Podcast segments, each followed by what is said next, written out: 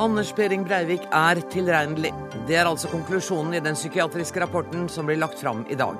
Vi får reaksjoner fra både Forsvaret og aktoratet.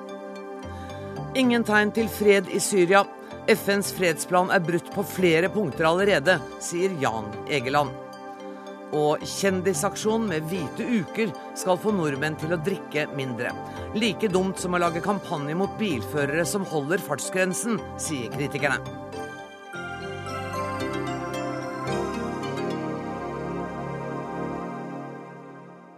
I denne sendinga skal vi også høre at forfatteren Gynter Grass har skapt heftig debatt med poetisk kritikk av Israel.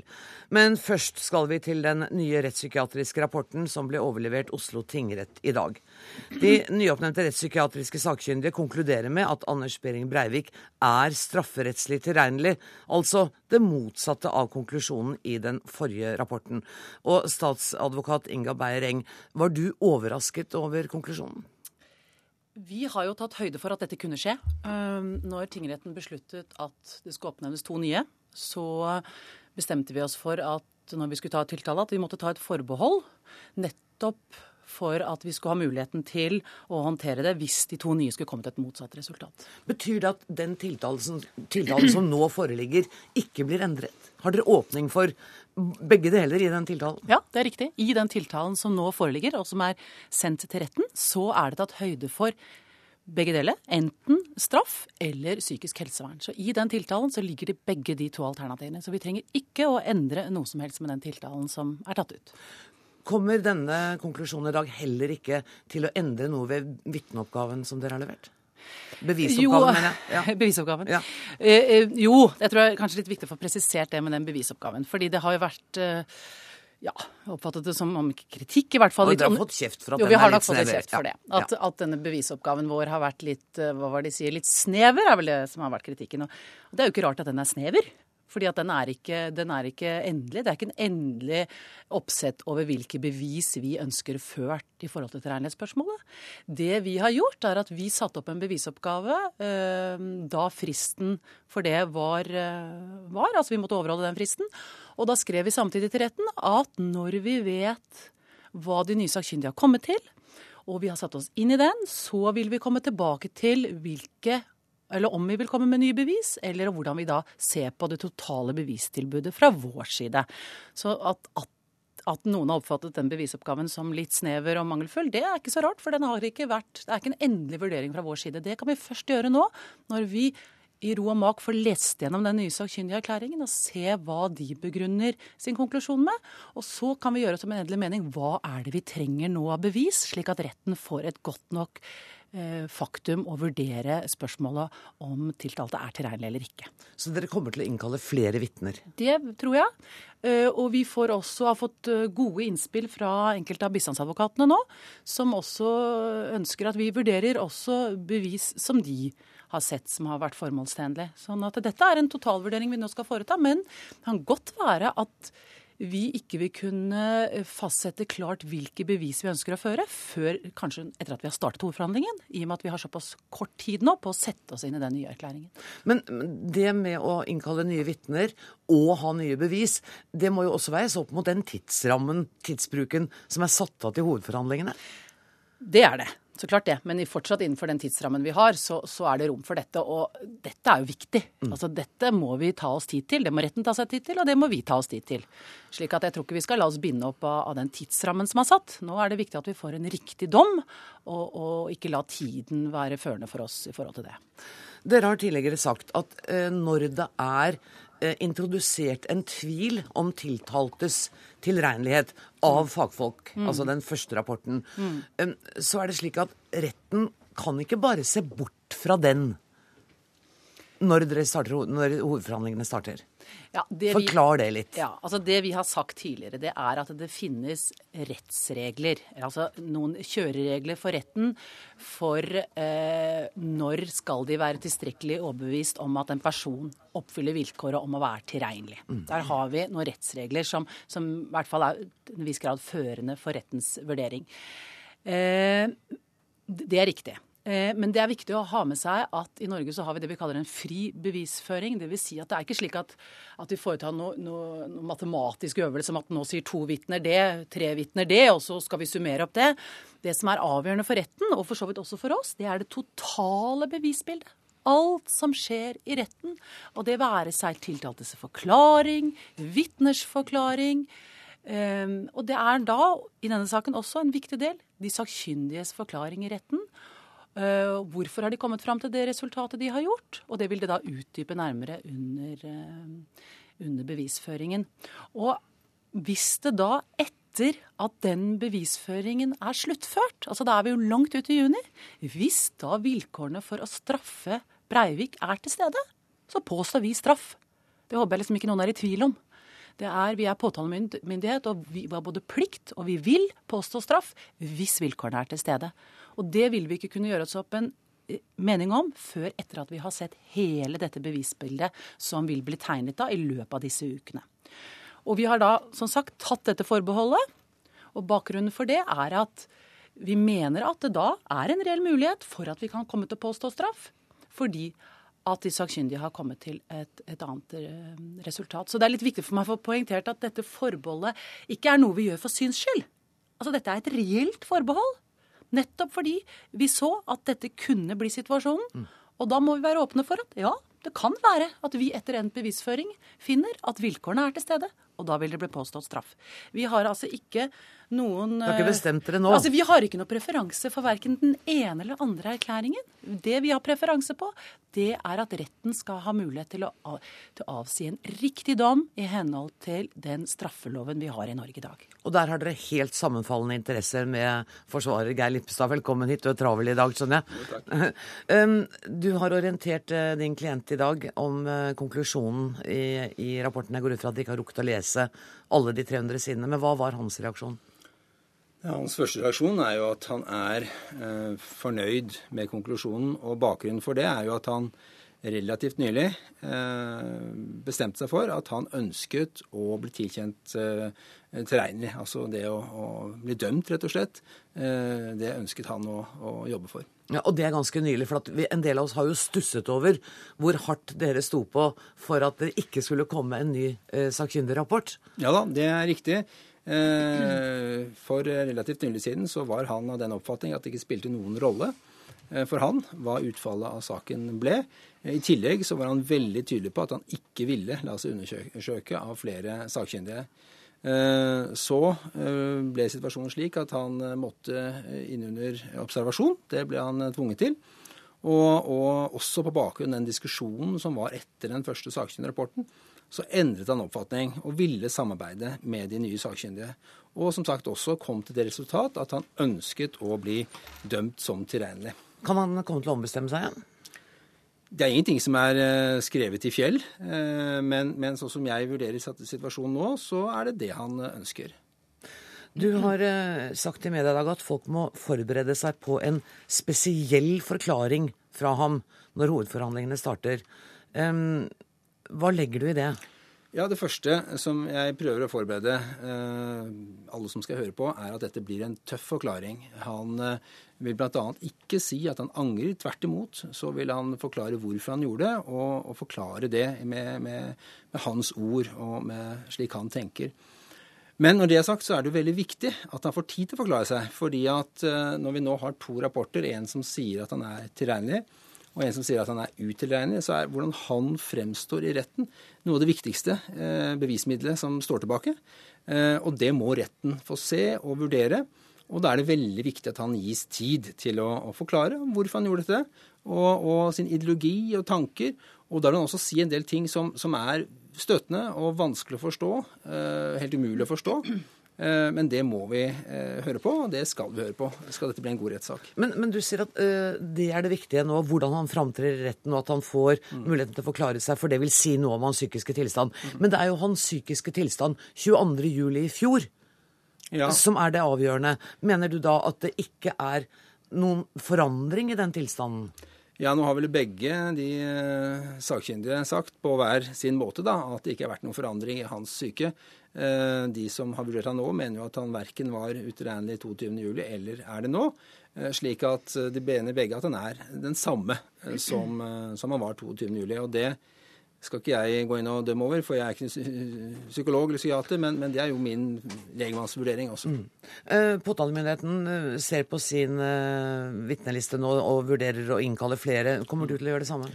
Vi har jo levert vår bevisoppgave til retten for en drøy uke siden, rett før påsken. Og Det vi da skrev på slutten av den bevisoppgaven, var helsepersonell. Grunnen til at vi ikke satte opp navnene på helsepersonell da, var jo at vi ikke visste hva de mente i saken. Bl.a. de som har observert han. Nå vet vi det. Så det er klart at alle som har observert han i saken, og de som har jobbet med han på Ila, vil være helt naturlige vitner som kommer inn under helsepersonell. Så det vil komme en del nye navn på vår liste, men som da ligger under bolken helsepersonell. Vil det være helsepersonell som dere også kommer til å konsentrere dere om, eh, Inga Beiring? Ja, annet. Vi også se på det. Ehm, men det vi først må gjøre nå, er på en måte å gå grundig gjennom den erklæringen som vi fikk i dag. Og så må vi prøve også å få klarhet i hvorfor skiller de vei. Altså hvorfor har de kommet til motsatt konklusjon? Mm. Det er jo viktig, og det tenker jeg også er viktig for retten.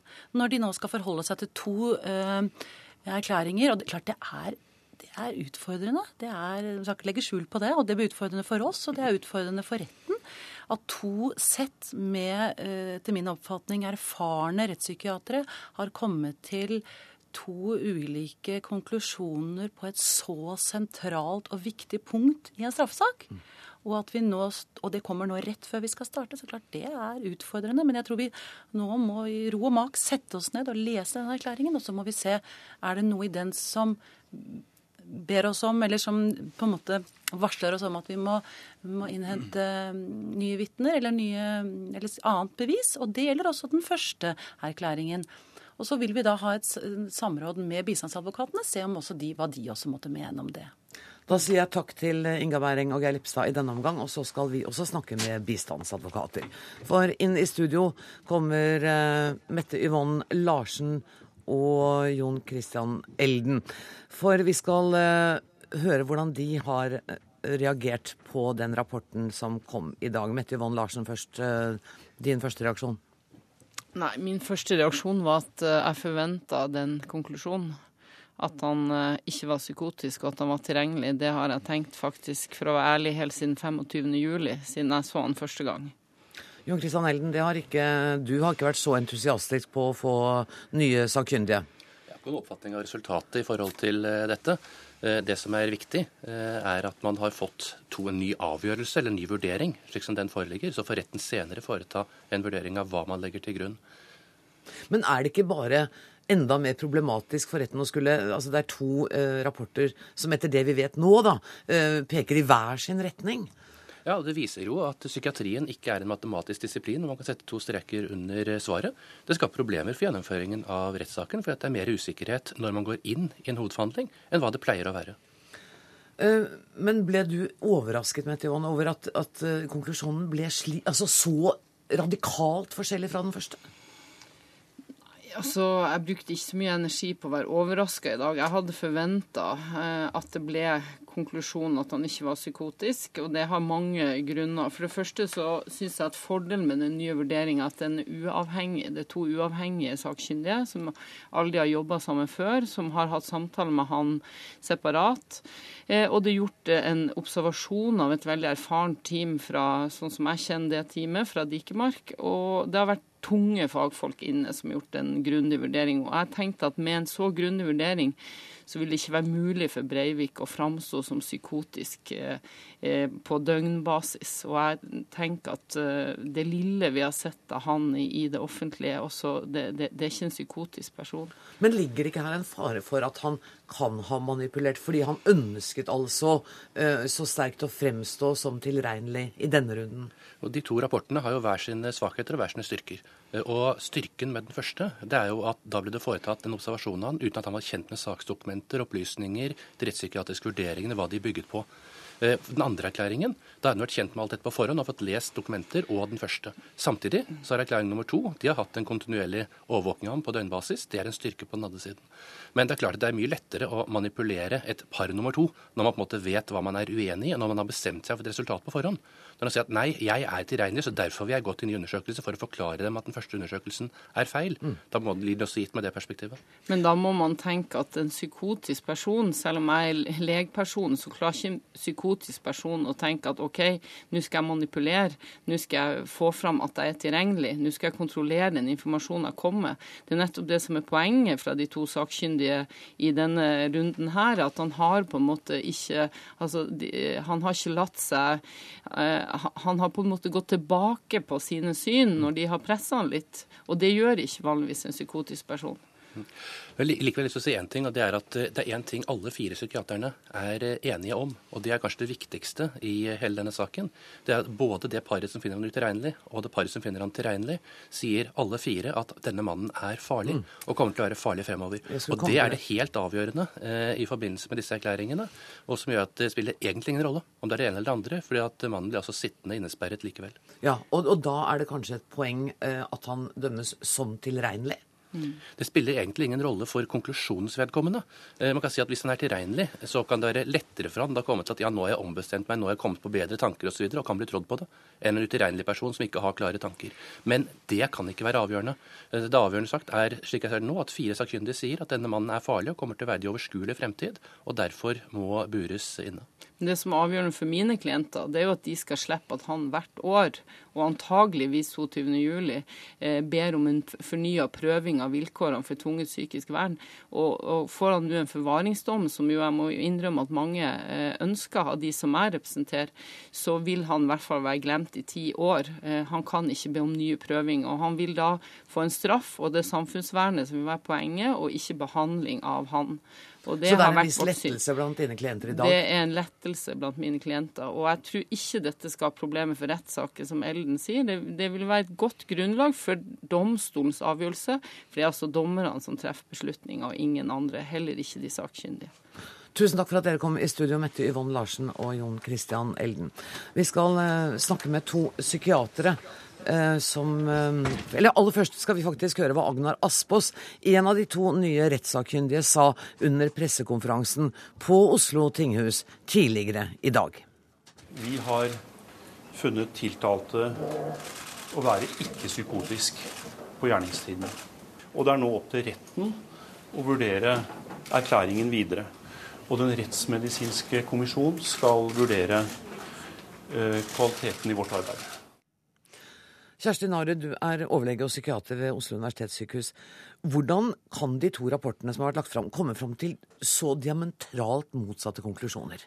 Ja, Det er jo et uh, godt spørsmål, og det er jo et spørsmål som gjør at folk vel er, nå er enda mer forvirret enn tidligere. og Det er jo uh, svært uheldig. Uh, det man trenger, er vurderingsgrunnlaget. Altså hva, hva, er det de har kommet frem til? Hvilke diagnostiske overveielser har de gjort seg? Hva har de tenkt? Uh, samt deres fremleggelse i, uh, under hovedforhandling blir helt vesentlig her. Uh, sånn løsrevet sett så virker dette veldig rart, men jeg forventer at når man får lest det, når man får hørt det og får sett hvordan de har vurdert, så skjønner man mer. Ehm, det er jo slik at man eh, de ikke bare har, eh, har, eh, konkludert forskjellig når det gjelder dette med psykose, altså paragraf 44 i straffeloven, men de har også i forhold til det vi kaller for 56C, altså dette med alvorlig psykisk lidelse, de har jo også sagt at han heller ikke har tegn til dette. For man kan se personer med psykoselidelse som allikevel er strafferettslig tilregnelige, men det er altså heller ikke dette. Så det er veldig forskjellig. Vi får se under hovedforhandlingene. Da må de svare på spørsmål, legge frem, og så får vi se hva de har eh, tenkt og hvordan de har vurdert. Og også etter å ha sett eh, hovedpersonen selv, altså gjerningsmannen, eh, forklare seg. For Du sa jo etter at den første rapporten kom at det var en solid rapport og en grundig vurdering. Syns du, sånn som du ser det i dag, at det var riktig å ha en ny vurdering? Altså, retten eh, Det jeg sa sist, var jo ut ifra at da ble premissene for den konklusjonen helt løsrevet gitt eh, samme dag. Og ut ifra det så syns ikke jeg det var noe rart at det var den konklusjonen. Nå har vi ikke noen premisser i dag, vi har konklusjonen. Uh, og så snakket jeg med bort fra spørsmålet ditt, som var uh, Om du er nå er fornøyd med at det kom en, en rapport til? Ja, retten vurderte at de trengte mer opplysning, og det tror jeg var et riktig valg. At det er en så alvorlig sak, og, og man ønsker å få den opplyst mest mulig, og det tror jeg er helt vesentlig. og hovedforhandlingen blir svært viktig i forhold til dette spørsmålet, psykiatriske spørsmålet.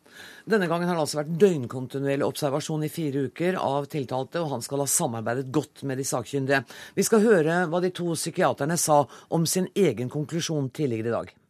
Vi har gått gjennom store mengder med informasjon, eh, herunder rapport fra Dikemark. Og vi har vurdert motforestillinger og alternative måter å se saken på underveis. Eh, vi har kommet til en felles eh, konklusjon som vi er enige om var ikke i tvil om konklusjonen? Ja, en konklusjon den er jo for så vidt den skal være klar og tydelig. Men det som er viktig å, å si, det er at vi har jo gjennom arbeidet eh, da selvfølgelig hatt, eh, slik som Aspa sier, motforestillinger prøvd å se alle nyansene i saken. Vi har jo like mye og kanskje mer materiale tilgjengelig enn det eh, Sørheim og, og Husby hadde, i tillegg til en observasjon. Pål Hartvig, du er spesialist i psykiatri og tidligere rettspsykiater. Du var også til stede da de nye sakkyndige la fram sine funn i dag. Ble du overrasket over konklusjonen? Nå hører jeg til den majoritet, også kanskje blant fagfolk, som trodde at denne siste konklusjonen ville være den riktigste. På den annen side var jo det et utpreget avstandsbedømmelse fra min side. Og da jeg fikk den første konklusjonen så tenkte jeg at to så solide, ikke bare rettspsykiatrisk erfarne, men også klinikere, som til de grader i mange mange år har arbeidet med spørsmål om sinnssyk eller ikke, enten i psykisk helsevernlovens forstand eller straffeloven, at de kunne ha kommet med den konklusjonen uten at det var noe i den.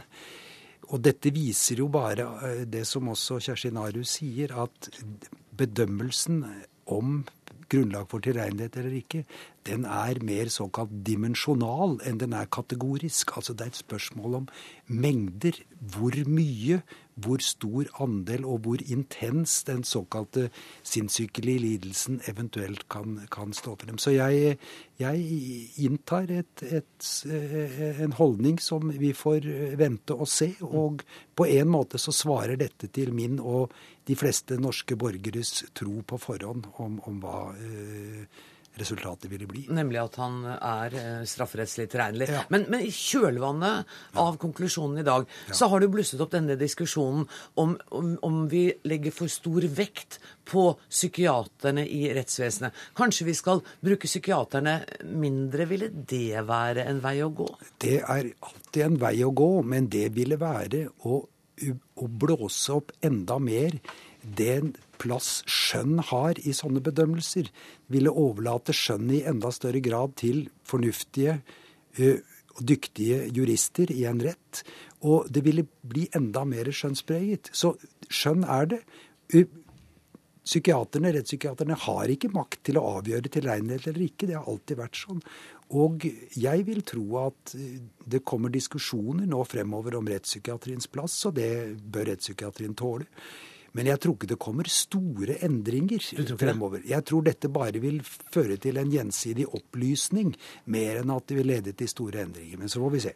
Men uh, Jan Arud, først på det. Jeg skal spørre deg om noe annet etterpå. Ja, uh, Litt i forhold til endringene. Det har jo i flere år uh, fra rettspsykiatrisk miljøs side vært ønskelig å se på kvaliteten, kvalitetssikringen av de judisielle observasjonene. Jeg syns det er riktig å si. Fordi, og dette har man jo vært klar over og ønsket.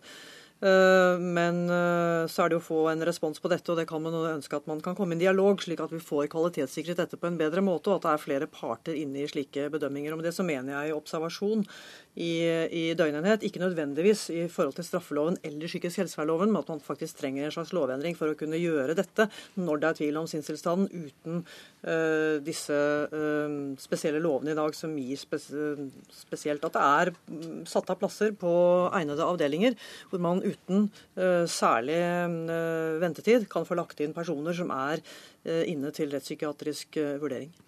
Det har kommet fram i dag at det også i denne rapporten står at han lider av om jeg husker riktig, narsissistisk personlighetsforskyvning og et dyssosialt følelsesliv. Går det an å forklare dette? Det som ble antydet, altså dyssosial eh, og narsissistisk personlighetsforstyrrelse. Den dyssosiale det er den eh, litt klisjépreget sagt psykopaten. Altså manglende empati, manglende forståelse, manglende evne til å rette seg etter regler og rutiner som samfunnet stiller. Uh, ingen medfølelse med andre. Narsissisten har noe av det samme. Uh, den manglende empatien er der. Uh, ingen forståelse for andres rettigheter. og denne hevdingen, på en måte, selvhevdingen av egne rettigheter og, og, en utrolig krenkbarhet veldig ofte. Altså dette at man blir veldig såret eller veldig sint når man blir kritisert av andre. Og sånn sett, noe av det som har kommet frem i pressen, så kan man jo Eh, lese noen av, disse trekkene. Så det var ikke noen uh, Syns ikke det var så rart. Hartvig, eh, til slutt. Noen vil jo si at han nå får det akkurat som han vil. Han har fått den diagnosen han ville, nemlig at han er tilregnelig. Han får en talerstol. Han får mediene til å snakke om seg. Er det et paradoks at vi behandler ham sånn? Det er et slags paradoks. Likevel så kommer han jo til å bli karakterisert som det er snakk om med betydelig gjentagelsesfare for voldelige handlinger. Og at hans handlinger i enhver form for rimelig humanistisk syn er uforståelig og sterkt avvikende. Så han får ikke full oppreisning. Tusen takk for at dere kom i studio, begge to, psykiaterne Pål Hartvig og Kjersti Narud. Og vi skal fortsette å snakke om uh, den uh, psykiatriske rapporten som kom i dag. Hjertelig velkommen uh, Knut Magnus Berge og Hege Ulstein, henholdsvis fra NRK og Dagsavisen. Og Knut Magnus Berge, dette spørsmålet om tilregnelighet eller ikke tilregnelighet, det er det eneste store åpne spørsmålet i denne saken, sa du tidligere i dag. Hvor mye mer åpen er saken nå? Jeg mener at eh, når det gjelder akkurat dette spørsmålet, så er saken nå helt åpen. Og reelt eh, helt åpen. Det er slik i, Norge at det skal mer til for at en person skal eh, bli erklært tilregnelig enn det skal til for å erklære vedkommende utilregnelig hvis denne tvilen har oppstått. Men jeg tror at det til sjuende og sist kommer til å handle om å, å, å, falle ned på det ene eller det andre. Vi har nå nettopp hørt eh, aktoratet understreke veldig tydelig at de kan komme til å snu. Eh, og dette er jo en kommunikasjon. Og jeg tror at en kan like gjerne her havne på tilregnelighet som utilregnelig. Ja, for Jeg har snakket med jurister i dag som sier at den høyesterettsdommen som sier at man, når det først er antydet mulighet for utilregnelighet, så skal det vektlegges, at den er fra 70-tallet, og at både jussen og psykiatrien faktisk har forandret seg siden da, og at nettopp det at uh, muligheten for å uh, få dømt tilregnelig er stor. Ja, altså jeg mener at dette nå er reelt helt åpent. I denne saken er det jo slik at uh, når det gjelder en mengde andre uh, aspekter ved saken, så er det klarlagt. Det er ingen tvil om hvem som sto bak ugjerningene den 22. juli. Uh, han vedgår det. Slik at dette spørsmålet om hans syke er det som denne rettssaken i stor grad nå kommer til å handle om. Hege Ulstein, kommentator i Dagsavisen, er du enig med Knut Magnus det? Ja, jeg er enig i at, eh, at, det selvfølgelig er sånn at saken er mye mer åpen når vi har to sakkyndigrapporter som har stikk motsatt eh, konklusjon. Men jeg tror vi kan si som så at uh, det, det, er ikke uavgjort. Men det er heller ikke avgjort, mm. for å bruke et litt snedig ordspill. Altså det, det, med det mener jeg at det er åpent, men jeg mener også at den siste rapporten som vi har på bordet nå, står sterkere enn den første. Hvorfor det? For det første så har de hatt en mye grundigere observasjon. De har hatt døgnkontinuerlig observasjon i tre uker. Og for det andre så tror jeg også at de to nye rettspsykiaterne eh, så at de to første gjorde noen feil som de har lært av. De har gått inn i dette med et åpnere sinn. De har passet på å ikke snakke for mye sammen, ikke være for samkjørte for starten av. Tatt mye bedre vare på dette med kontradiksjon. Uh, og så videre, sånn at uh, jeg, sånn som jeg ser det nå, så tror jeg de, de kommer til å legge mer vekt på den siste rapporten enn på den første. Men, men det som Jon Christian Elden var inne på her, er jo at uh, i den andre runden så hadde Behring Breivik fått lest den første psykiatriske rapporten. Han ville bli erklært strafferettslig tilregnelig. Altså, hvor stor fare er det for at de kan ha blitt manipulert? Hvis han er så psykotisk som, eh, som, det påstås i den første rapporten, så skjønner ikke jeg at han eh, hadde vært eh, i stand til å manipulere to så erfarne psykiatere, enn si smøre sin egen brødskive. Mm. Så jeg jeg mener at eh, altså bare det seg selv at man tenker at han er i stand til å manipulere to erfarne rettspsykiatere, sier noe om at han ikke er eh, psykotisk. Hvor viktig blir Berit Breiviks forklaring i retten? Den blir viktig. Den blir svært viktig. Eh, jeg tror at eh, hovedfokus kommer nå til å ligge på hans forklaring.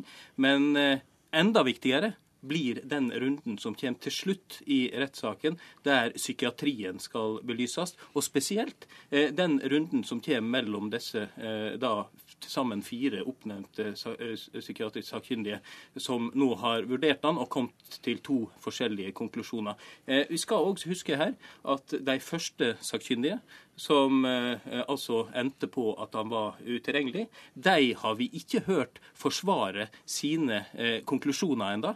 Eh, og det blir veldig interessant i retten å høre hvordan de begrunner sine, eh, sine funn. Eh, og det er et moment også en skal ta med når en vurderer vektinga av disse to eh, rapportene opp mot hverandre. Ja, for Vi har vært i kontakt med dem i dag, og de sier nettopp det, at de vil ikke kommentere verken sin egen eller den nye rapporten før de kommer med sine kommentarer under hovedforhandlingene. Men Hege Ulstein, det faktum at Behring Breiviks forklaring ikke skal kringkastes, er, bør, man, bør retten revurdere det synspunktet etter den nye rapporten?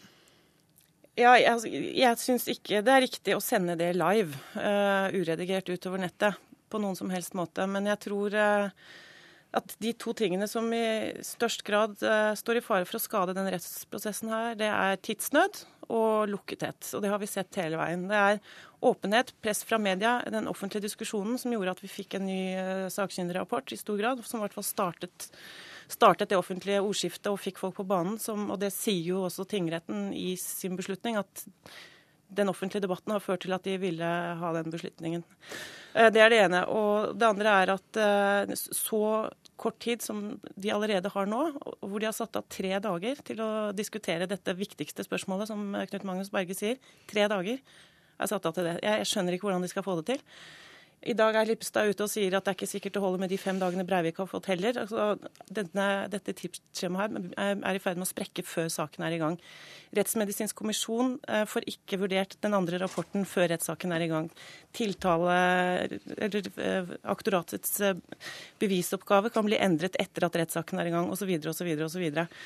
Eh, det er det ene. Når, det gjelder spørsmålet ditt om uh, folk burde få se uh, Behring Breiviks forklaring på en eller annen måte, på en annen måte enn på skrift, så mener jeg at vi må ha en ny diskusjon om det nå. Det er så viktig spørsmål i denne saken, hva, om man er tilregnelig eller ikke, og at vanlige folk også må få lov til å kunne ta stilling til det og vurdere det på fritt grunnlag. Jeg, eh, jeg, skjønner ikke at det skulle være noe i veien for det. Jeg synes at Man må ikke overdrive denne frykten for å gi han en talerstol. Og det er altså Oslo tingrett som da eh, tar den eventuelle avgjørelsen. Tusen takk til Knut Magnus Berge fra NRK og Hege Ulstein i Dagsavisen. Dagsnytt 18 alle hverdager klokka 18.03 på NRK P2.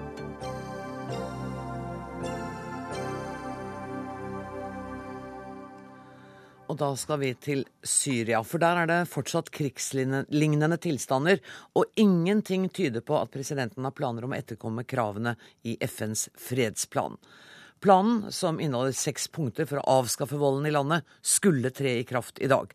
Men situasjonen er spent, og stridsvogner preger fortsatt gatebildet.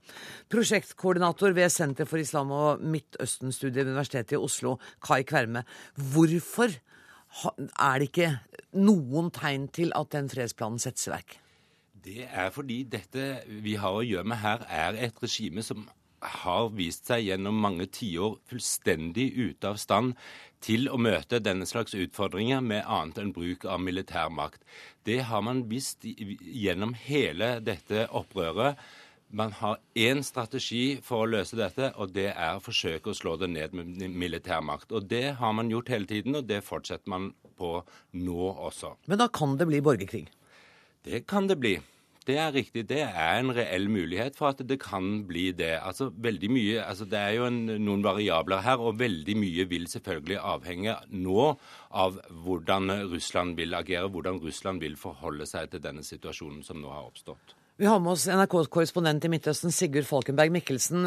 Hva vet du om tilstanden i de mest urolige områdene nå, f.eks. i Homs? Nei, Homs har vært en av de byene som har vært hardest rammet eh, de siste dagene. Eh, det er bydelen Khaldie som det nå går hardest eh, utover. Og så er det også meldt om kamper og troppeforflytninger rundt byen Rastan, som også er en strategisk viktig by på veien som går nord-sør i Syria, og også da mot grensen til Tyrkia. Så snakkes det også om uroligheter i Syria, i Damaskus, i hovedstaden. Eh, men det er jo vanskelig for oss å danne oss et eh, skikkelig bilde av hva som foregår, eh, i og med at syriske myndigheter nekter journalister innreise, og også holder uavhengige observatører ute.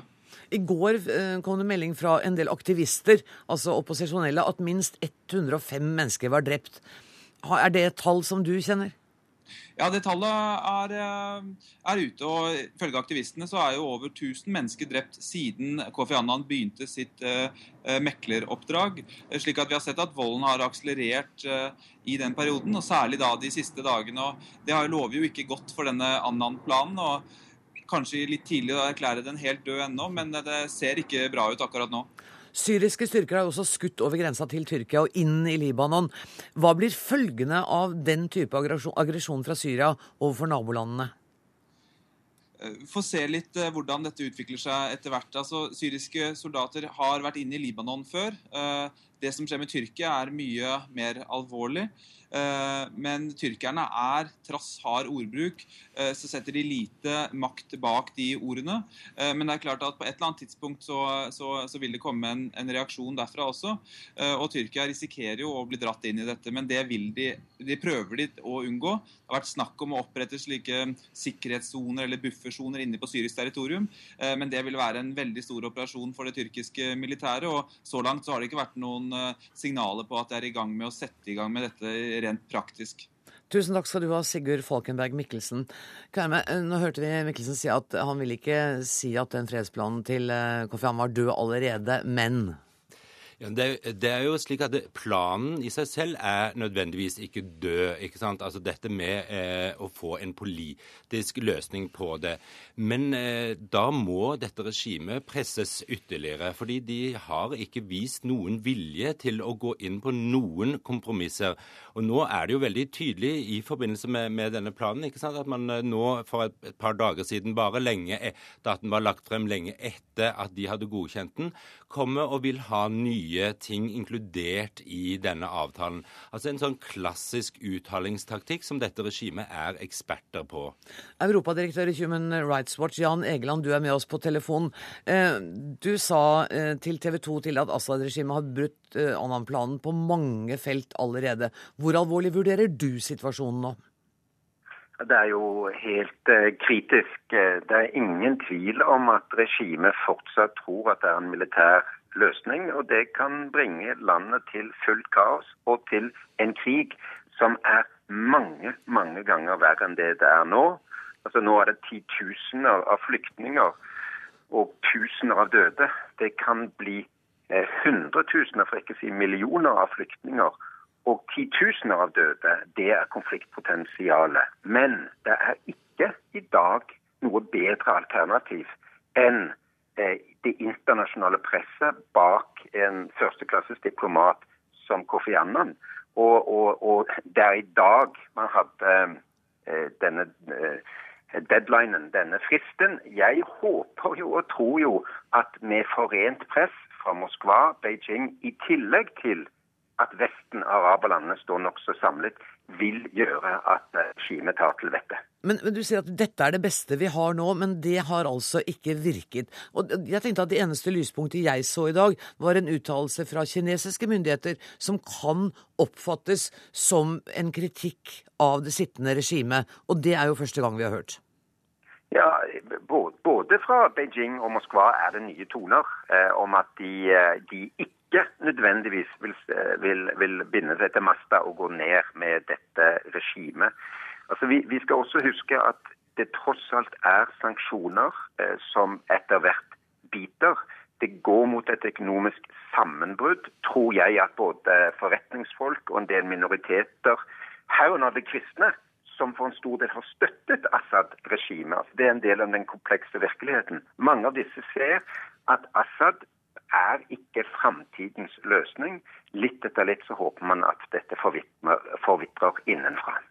Tusen takk for at du var med oss, Jan Egeland. Kai Kverme, er du enig, støtter du Egelands vurderinger her? Ja, altså det, det, kommer litt an på hva du mener med det. Jeg tenkte på f.eks. at han mente at det beste kortet vi har nå, er Kofi Annans fredsplan, og at Vesten står bak det. Eh, ja, Det er litt eh, vanskelig for meg å vurdere, men det, det som man i hvert fall kan si, det er at det, det er ingenting som tyder enda på at regimet vil gå til forhandlingsbordet, og at det må økt press eh, på regimet. Og der er det jo helt klart at der har man mye å gå på. Altså, det er riktig som Egeland sier, at noen av disse sanksjonene har begynt å bite. Ikke minst de som ble innført mot den syriske oljeindustrien. Det er helt klart at disse virker. Samtidig er det også slik at det er ikke mange ukene siden presidentens kone, Asmal Assad, ble, ble ført opp på denne listen over personer som det ble iverksatt sanksjoner mot. Og hun er jo en nøkkelperson i dette regimet. Og det viser jo at man har vært ganske sein og nølende fra omverdenens side med sanksjoner mot dette regimet. Og det er enda veldig, veldig mye å gå på når det gjelder økonomiske sanksjoner og, og målretta sanksjoner mot personer i regimet. Tusen takk for at du var med i Dagsnytt 18, Kai Kverme fra Universitetet i Oslo.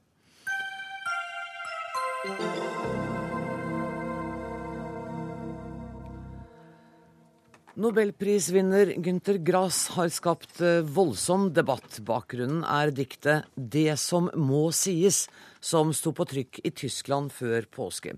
Der omtaler han Israel som en trussel mot verdensfreden. Knut Hoem, du er litteraturkommentator her i NRK. Hva slags dikt er det Gunther Grass har skrevet? Det er jo et uh, leilighetsdikt, vil jeg si, som det kalles. Eh, skrevet for anledningen. Uh, og anledningen er jo at Grass har hatt et oppdemmet behov for å si hva han mener om Israels uh, politikk. Og sånn som jeg leser diktet, så er det blitt satt i gang av at Israel og USA har drevet med noen form for simuleringer av et mulig førsteangrep mot Iran.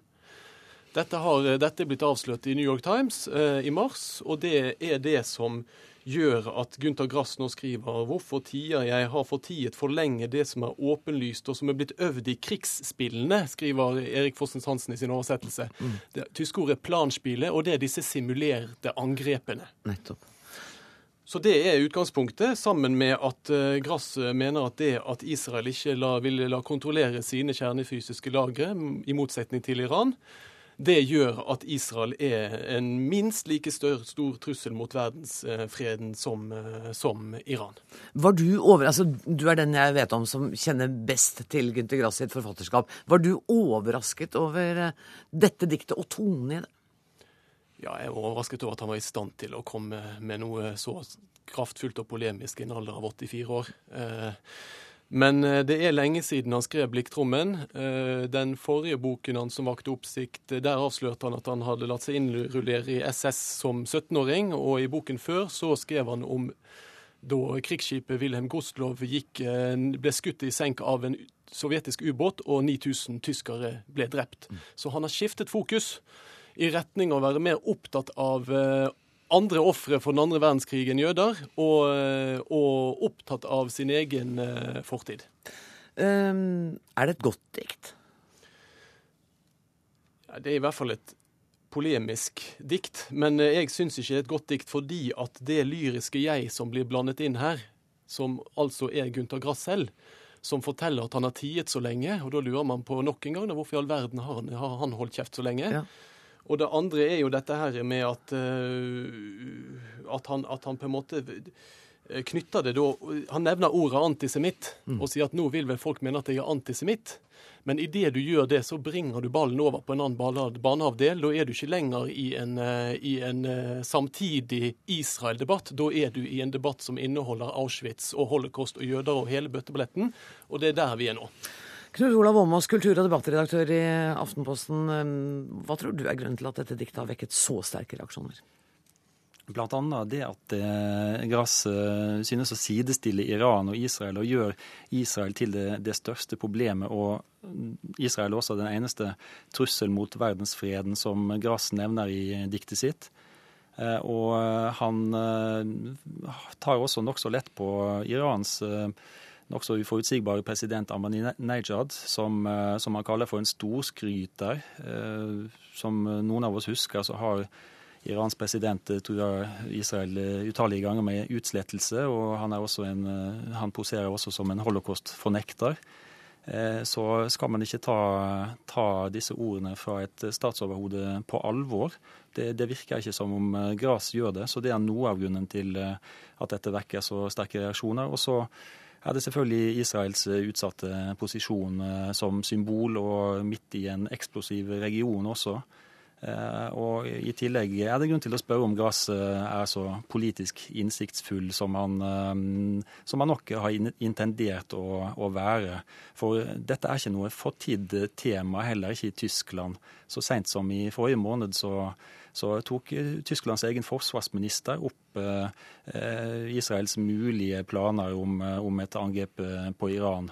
Så det er lov å kritisere Israels politikk i fra tysk side nå. Det er det også i Tyskland. Og... Eh, Men han sier jo at det eneste han beklager, er Eller han beklager i hvert fall at han ikke har vært mer presis i at det var regjeringens politikk. Han mm, mm. kritiserte, han har liksom kritisert ja, ja. Israel. Ja, og det skal han ha ros for. og, og, og Eh, presisere det nå. Jeg syns for øvrig han eh, er blitt møtt med vel sterk motstand. Eh, det fins ingenting som tyder på noen antisemittisme i dette diktet. Anklager og antisemittisme blir brukt i denne debatten som en hersketeknikk. Men det er klart han kunne ha skrevet en mindre patosfylt artikkel, en kronikk. Det gjorde israelske forfatteren, regjeringskritiske David Grossmann for noen uker siden i en kronikk vi trykte også i Aftenposten. Han kunne ha vært mer argumenterende og også problematisert, synes jeg, Eh, Irans eh, posisjon her, som altså flere ganger har trua Israel med utslettelse. Og skal man virkelig ikke ta det på alvor? Mimir Kristiansson, du er politisk journalist i Klassekampen. Gynter Grass med briljant dikt om sin egen skyldfølelse og Israels aggressive politikk mot Iran, skrev du på Twitter i går. Jeg skjønner at du er altså ikke helt enig med de andre to herrene om, at, om kvaliteten på diktet? Altså Nå sitter jo jeg her i en fotballdrakt, så mine evner som eh, poesikritiker er kanskje ikke de største, men jeg syns iallfall at eh, diktet bringer en viktig politisk innsikt, og det er et angrep på et hykleri som vi har sett i Vestens eh, og I mange tilfeller handler det ikke bare om Iran, men i Vestens på en måte doble standarder overfor regimer man har sett i Midtøsten i veldig stor grad. Der noen regimer er det svært problematisk at de eh, kanskje utvikler masseødeleggelsesvåpen som de ikke engang har utvikla, som i Iraks tilfelle. De må bombes, mens andre land får ha masseødeleggelsesvåpen uten at det anses som problematisk. Jeg vil bare påpeke at jeg er helt enig i at regimet i Iran er et eh, forferdelig forkastelig regime, og det må man ta på alvor. Men dette er jo en kritikk av Vestens hykleri. Sånn at når Gunther Grass skriver dette diktet, så er ikke det alle hans tanker eller innsikter om Midtøsten, men det er han setter fingeren på ett bestemt problem, og det problemet mener jeg er reelt, nemlig at Vesten overser Israels menneskerettighetsbrudd, overser Israels folkerettsbrudd, overser Israel som aggressiv part i Midtøsten, men har helt andre standarder i behandling av andre regimer, som også selvfølgelig mange av de er veldig forkastelige. Det finnes mye å kritisere i Israels politikk, det er helt klart. Og, og det finnes jo atskillig aggressivitet i Israels utenrikspolitikk eh, for tida også. Eh, men vi må ikke glemme at motstanden mot et eventuelt angrep på Irans kjernefysiske anlegg er veldig sterk også i Israel, ikke minst i Israel. Israel har, i motsetning til de aller fleste andre land i Midtøsten, en diskuterende offentlighet. Eh, slik sett så er det synd at israelske myndigheter reagerer med å nekte Gunther Gass framtidig Ja, det jeg innreise til landet. Var ikke det en overreaksjon? Jo, jeg synes det, det er et eh, sterkt illiberalt eh, trekk eh, som, er, som er trist. Men eh, Mimir Kristiansson snakker om hykleri. Eh, hykleri kan man også finne i eh, store deler av Vestens opinion, og ikke minst på venstresida i, i eh, europeisk politikk, når det gjelder doble standarder eh, med hensyn til hva man reagerer mot. Der har vel oss et poeng, eh, Kristiansson. Altså, Jeg mener at det poenget er 20 år gammelt og ikke er gjeldende lenger. Altså, folk sa når Irak-krigen, så sa de til meg, da, som var tre år under gassingen av kurderne i Halabja, hvor var du når Saddam gasset kurderne i Halabja? Jeg var i barnevogn på den demonstrasjonen sammen med mine foreldre. Jeg går i 8. mars-tog i 1. mai-tog i Oslo. Der er det iranske eksilmiljøet og protesterer mot Ahmadinejad i samme tog som oss. Jeg tror ikke det var et angrep på deg personlig. Nei, men på venstresida, som vi snakker om, og jeg får vel bare se på meg sjøl som en representant for det, men venstresida kritiserer regimet i Iran, kritiserer det regimet som var i Irak, har støtta helhjertet opp om alle de eh, demokratiske oppstandene som har vært i, i Midtøsten, og selvfølgelig er klar i sin kritikk av Israel. Så jeg er ikke enig i at den dobbeltmoralen er så gjeldende, og iallfall ikke sammenlignbar med måten Vesten og verdenssamfunnet lar Israel gå fri, til tross for gjentatte brudd på en rekke FN-konvensjoner, folkerettsbrudd, aggresjon osv. Jeg har tenkt å la HM få siste ord i denne samtalen. Ja, Det er i hvert fall sånn at dette er en veldig særtysk debatt, i det at uh, denne Auschwitz-tankegangen kommer så sterkt i bakgrunnen når de diskuterer spørsmål som dette. Og det er jo ingen tvil om at veldig mange av de som har kastet seg over Grass nå, er av samme generasjon, og, eldre, og holdt på å si eldre, altså. Og de, er, og de har vært eh, på Grass da han kritiserte gjenforeningen av Tyskland og i veldig mange debatter tidligere. Så det er litt sånn the usual suspects som er ute og går, gamle krigere som er ute i manesjen igjen. Og jeg er litt usikker på om det er den rette medisinen i forhold til å skape fred i, i Midtøsten, og bruke den type polemikk som, eh, som blir brukt her. Mm, OK da, Almås, du skal få den siste replikken. Eh, Det er i alle fall et, altså Uansett hva man måtte mene om diktet, så er det et legitimt innspill fra Gass sin side. og Jeg håper nå det kan bli litt saksdebatt om dette også. Det er mye å diskutere ved Israels eh, utenrikspolitikk, og, og også om Irans mange trusler. Så jeg håper at uh, denne saken kan ende i, i en forhandlingsløsning også. Eh, dette diktet har iallfall vakt et enormt engasjement. Det har det, også her i Dagsnytt 18. Tusen takk for at dere kom, Knut Hoem, Mimir Kristiansson og Knut Olav Åmås.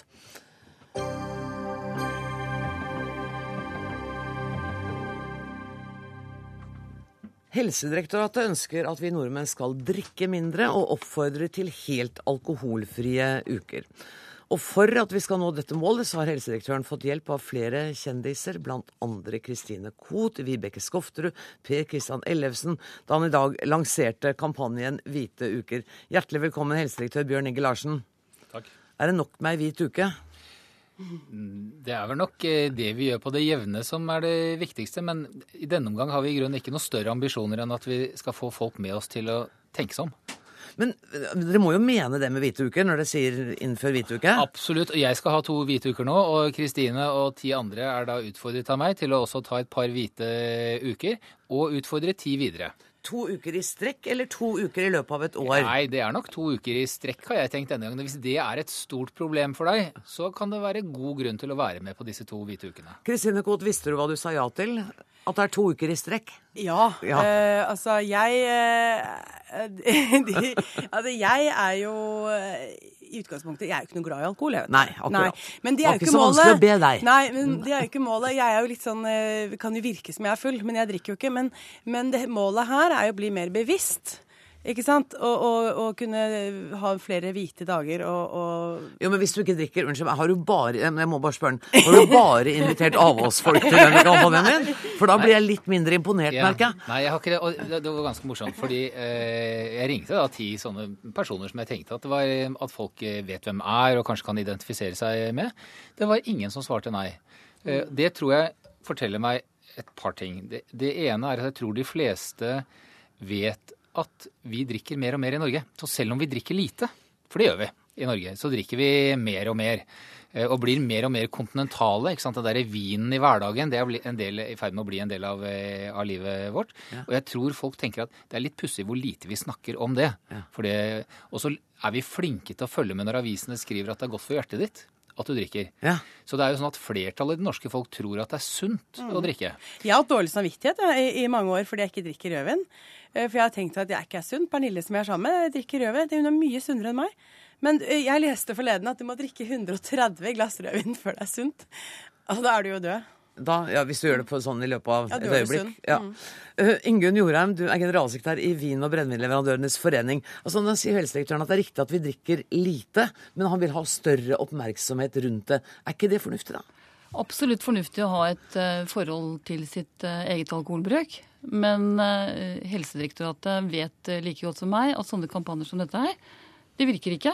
Fordi vi var innkalt til nei, unnskyld, helseministeren for to år siden, hvor vi fikk presentert resultater fra mediekampanjer. Og det har null virkning på alkoholkonsum. Og da er, altså I beste fall så er dette her en, en PR-sak for Helsedirektoratet og kjendisene. Kristine Koht og, og, og lukrativt for PR-byrået. Men det kommer ikke til å virke. Og Du sa til og med tidligere i dag til eh, en av mine kolleger at det er som å sette i gang en kampanje mot folk som holder fartsgrensa. Ja, det syns jeg. Fordi eh, selv om alkoholkonsumet har økt eh, litt, ikke mye, de siste tolv årene, så er 40% problemene er ganske mye, Nei faktisk. da, det er 17% det siste. Mm.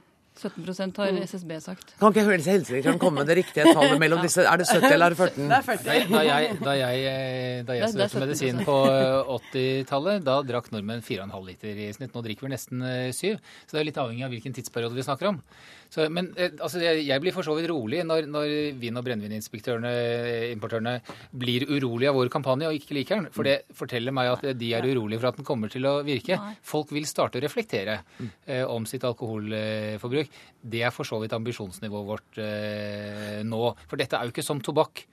På tobakk så er det sånn at Helsedirektoratet mener at folk har best av å slutte. Ja. Det er andre virkemidler vi bruker, eh, vi bruker eh, da. Det er ikke sånn at vi insisterer på at folk skal slutte å drikke. De skal bare ha en bevissthet i forhold til det. må Men jeg ikke må jo gjøre bare- det fordi de tror det er sunt. Men jeg må jo bare si, Larsen, at eh, når du sier at ingen sa nei da du ringte, vet du hva? Jeg ville stått i giv akt og sagt nei, selvfølgelig. Altså, ingen sier nei når helsedirektøren ringer og sier kunne du tenke deg å være med og drikke bitte litt mindre? Ja, kanskje det ville bety at du tenkte at jeg trodde at du virkelig trengte å være med på to, to uker, og at derfor ville du ikke turt å si nei. Men denne Kanskje sa de kampanjen ja. er jo at vi utfordrer uh, Nå skal jeg bare si hvordan den fungerer. Den, ikke sant? Jeg er blitt utfordret.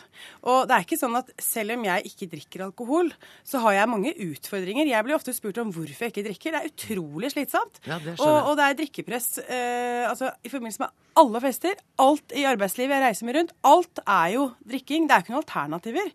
Sånn at jeg tror det er en del som jeg opplever som ikke har lyst til å drikke, men det blir så mye styr. Ikke sant? Så det er noe med en bevisstgjøring der. Men sånn som det virker nå, så utfordrer jeg. Jeg har f.eks. utfordret Anne Lindmo, som er en god venninne av meg. Og, og, og hennes reaksjon er ganske lik som veldig mange andres. Hun sier med en gang at nei, men eh, altså, jeg har ikke noe Altså, jeg drikker ikke alene. Jeg drikker bare i sosiale sammenhenger, sier hun. Uh, og jeg, eh, så for meg, Men dette er ikke en app. Dette er ikke en utfordring for uh, alkoholikere. Uh, men ikke sant? de fleste vet, og jeg vet, og hun vet, at hvor mye kanskje du spiser, kosthold, trening, men har ikke helt Altså, ett glass rødvin er ikke alltid ett glass rødvin. Det kan ende det blir tre. Vi lyver nedover. Vi lyver oppover når det gjelder sex. Vi puler tre ganger i uken. Det gjør du. Men du puler bare én, ikke sant? Men, vi, men på, se, på alkohol lyver Føler du at dette nå ikke handler om jo, alkohol lenger, Men vi lyver så- oppover på alkohol, ikke sant? Det er poenget. Men, jo, men dette er tilbake til bevisstgjøringen på denne kampanjen. Jo, men de færreste mennesker har eh, et trøblete forhold til alkohol. Og når, jeg syns det er litt overraskende når Helsedirektoratet, som jeg sa i stad, ikke hører på, på, jeg håper å si, den andre hånden hos myndighetene, som sier at dette ikke virker. Og det er, det, det er liksom ingen som eh, Vi er ikke redde for at dette kommer til å han øke vil jo ikke at det skal virke, for du syns jo ikke vi drikker så veldig mye. Du vil Nei. bare øke bevisstheten vår om det. Jeg tror, jeg tror, eh, jeg tror vi skal ikke, vi, vil, vi vil ikke at vi skal bli fullt ut kontinentale. For det, det er mange av de europeiske landene som har et altfor høyt alkoholkonsum. Mm. Det er et problem. Så er det ikke slik at verden er inndelt i folk med et misbruksproblem og en Nei. stor gruppe mennesker som har et helt uproblematisk alkoholkonsum. Nei, nå... vi vet at det er sånn at hvis hele befolkningen drikker mer, så vokser gruppen av de som får et misbruksproblem. Sånn at jeg, jeg, skjønner at, i, jeg jeg skjønner at i hennes verden så skulle jeg konsentrere meg om, om de som har Ungdommens misbruk. forbruk går ned. Men, men, men i befolkningen som helhet så øker forbruket. Så- Og 30 til Ja, så vi ja. Ungdom- Men jeg bare for å ta det du sa i sted. Ja. Ungdommens forbruk går ned, og trøbbelet rundt det eh, øker ikke heller i forhold til eh, at eh, vinkonsumet har økt noe. Det gjør det ikke. Så jeg, Man får heller eh, gå inn og se på de situasjonene og de gruppene hvor det er problemer, og gjøre noe med det, istedenfor å, å ta alkoholvannet til folk Ja, men. Retorikken din er så rar, for når du sier de fleste har ikke alkoholproblem, de din, fleste er ikke i fengsel, de fleste er ikke pedofile, de fleste blir ikke voldtatt, de fleste får ikke kreft. De fleste får ikke Altså, Hvis du skal ha den retorikken, så kan vi, Vi ikke snakke om noen ting, da. Vet du hva, retorikk eller det ikke, vi er nødt til å sette strek. Jeg tenker, sitter og tenker for min egen del at enkelte i min yrkesgruppe det tror jeg kanskje hadde et større forbruk for noen år siden enn vi har i dag. Men det er bare en helt privat uh, ytring, sånn på tampen av Dagsnytt 18 i dag. Jeg skal takke Bjørn Inge Larsen, Kristine Koht og Ingunn Jorheim. Uh, ansvarlig for sendinga var Karoline Rugeldal. Jeg heter Anne Grosvold. Det blir sending i morgen også, men også da uten vin.